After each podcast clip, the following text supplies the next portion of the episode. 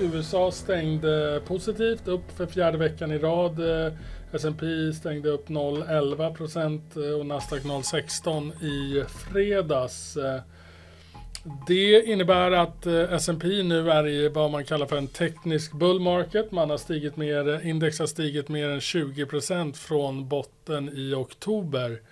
Nasdaq Nasdaq under samma, samma tid stigit eh, 30 procent ungefär. Så eh, det är en intressant signal. Eh, vi noterar att hela den här uppgången eh, sker i princip eh, med multipel expansion eftersom vinst, vinstförväntningarna har fortsatt att gå, gå lägre. Och det här innebär att S&P för tillfället handlas på ett P-tal på 19 gånger kommande 12 månader eh, jämfört med sitt 10-årssnitt på 17,6. Så något eh, rik eh, värdering givet hur utsikterna för, för vinsttillväxten ser ut för tillfället. Nasdaq handlas på P27 mot sitt eh, 10-års genomsnitt på 24.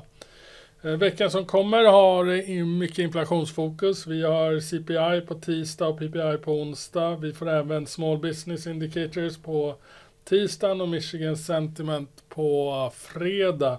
Men den absolut viktigaste punkten för veckan är ju Fed-mötet som börjar på tisdagen med räntebesked på onsdagen och marknaden ligger på ungefär 70 procents eh, sannolikhet eh, för oförändrad, det vill säga ingen höjning och 25 procent på en eh, 25-punkters höjning. Här på Pareto så har vi pratat Kinnevik på morgonen. Vi gjorde en liten eh, djupdykning i deras eh, healthcare-strategi. Eh, vi tycker Kinnevik är en, fortsätter att vara en väldigt intressant aktie.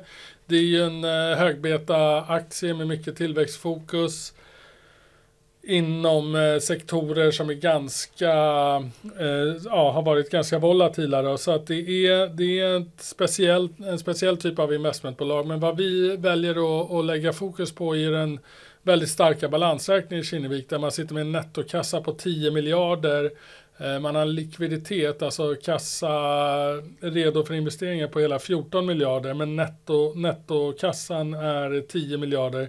Utöver det så har man två stora tillgångar i Village MD och Cityblock som båda är healthcare-tillgångar i USA inom Value-Based Care-segmentet och i Village MD som utvecklas väldigt bra ägs idag till största del av ett stort bolag som heter Walgreen Boots Alliance och eh, tittar man i redovisningen för Walgreen Boots Alliance så ser man att eh, Village MD businessen växer med drygt 30% på årsbasis och är nära eh, rörelselönsamhet. Så en väldigt bra utveckling för, för Village. Vi tror att eh, Walgreen Boots Alliance kommer förvärva resterande minoriteter i det här bolaget eftersom man konsoliderar det och redovisar det som en egen enhet i sin egen eh, verksamhet och det skulle för Kinneviks del innebära att vi kan räkna med ungefär 5 miljarder till minst i, eh, i kapitaltillskott under vad vi tror är kommande 6 till 18 månader.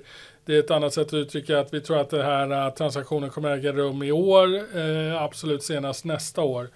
Och om man då tittar på den här starka nettokassan på 10 miljarder plus förväntat fem, minst 5 miljarder från Walgreens Boots Alliance så är ju Kinnevik kommer fortsätta vara väldigt starkt kapitaliserat och det här betyder att om man inte vill dela ut de här aktierna, eh, pengarna till aktieägarna så behöver man öka takten i investeringar kommande, kommande halvår och nästa år också för den delen.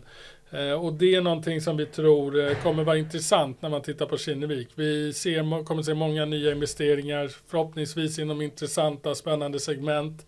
Vi tror att eh, fokus kommer ligga på fortsatta healthcare-investeringar. Här har man ett väldigt starkt track record och har realiserat en avkastning på på mer än tre gånger investerat kapital under, ja, sedan man började den strategin 2017. Så, så här har man ett starkt track record som vi tror att man kommer fortsätta att bygga på. Climate Tech är en annat spår som, som eh, man har utvecklat inom bolaget ganska nyligen. Vi fokuserar inte så mycket på det idag utan det är mer fokus på healthcare-investeringarna. Men vi tycker att vi tror att Kinnevik eh, till, eh, ser man till vad, vad de har för bokade tillgångar så där så handlas man till en eh, rabatt på 20 procent, cirka 19 eller 20 Eh, och vilket är ganska mycket tycker vi för, för bolaget. Så Kinnevik är någonting som man ska titta på när den är svag och eh, det är en aktie att äga på längre sikt eh, enligt, enligt oss.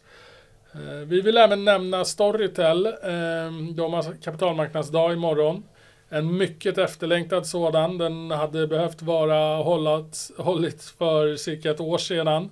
Eh, det är en eh, stor eh, informationsbrist kring bolaget och framtida strategier och vi tror att man kommer få mycket klarhet i det imorgon. Vi kommer träffa delar utav det nya managementteamet som Johan, VD Johannes Larcher har rekryterat in. Det kommer vara spännande. Vi tror att man kommer få nya midterm financial targets, alltså vilken typ utav organisk tillväxt siktar man på för streamingbusinessen? Vad är, ehm, vilken rörelsemarginal kommer man se i ett mer moget skede etc.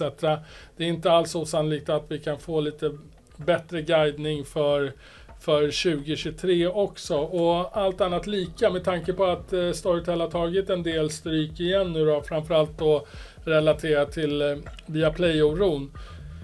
Så, så är det här, det är någonting som behövs för aktien och den är i vår våra ögon väldigt eh, konservativt eh, värderad på strax över 30 kronor.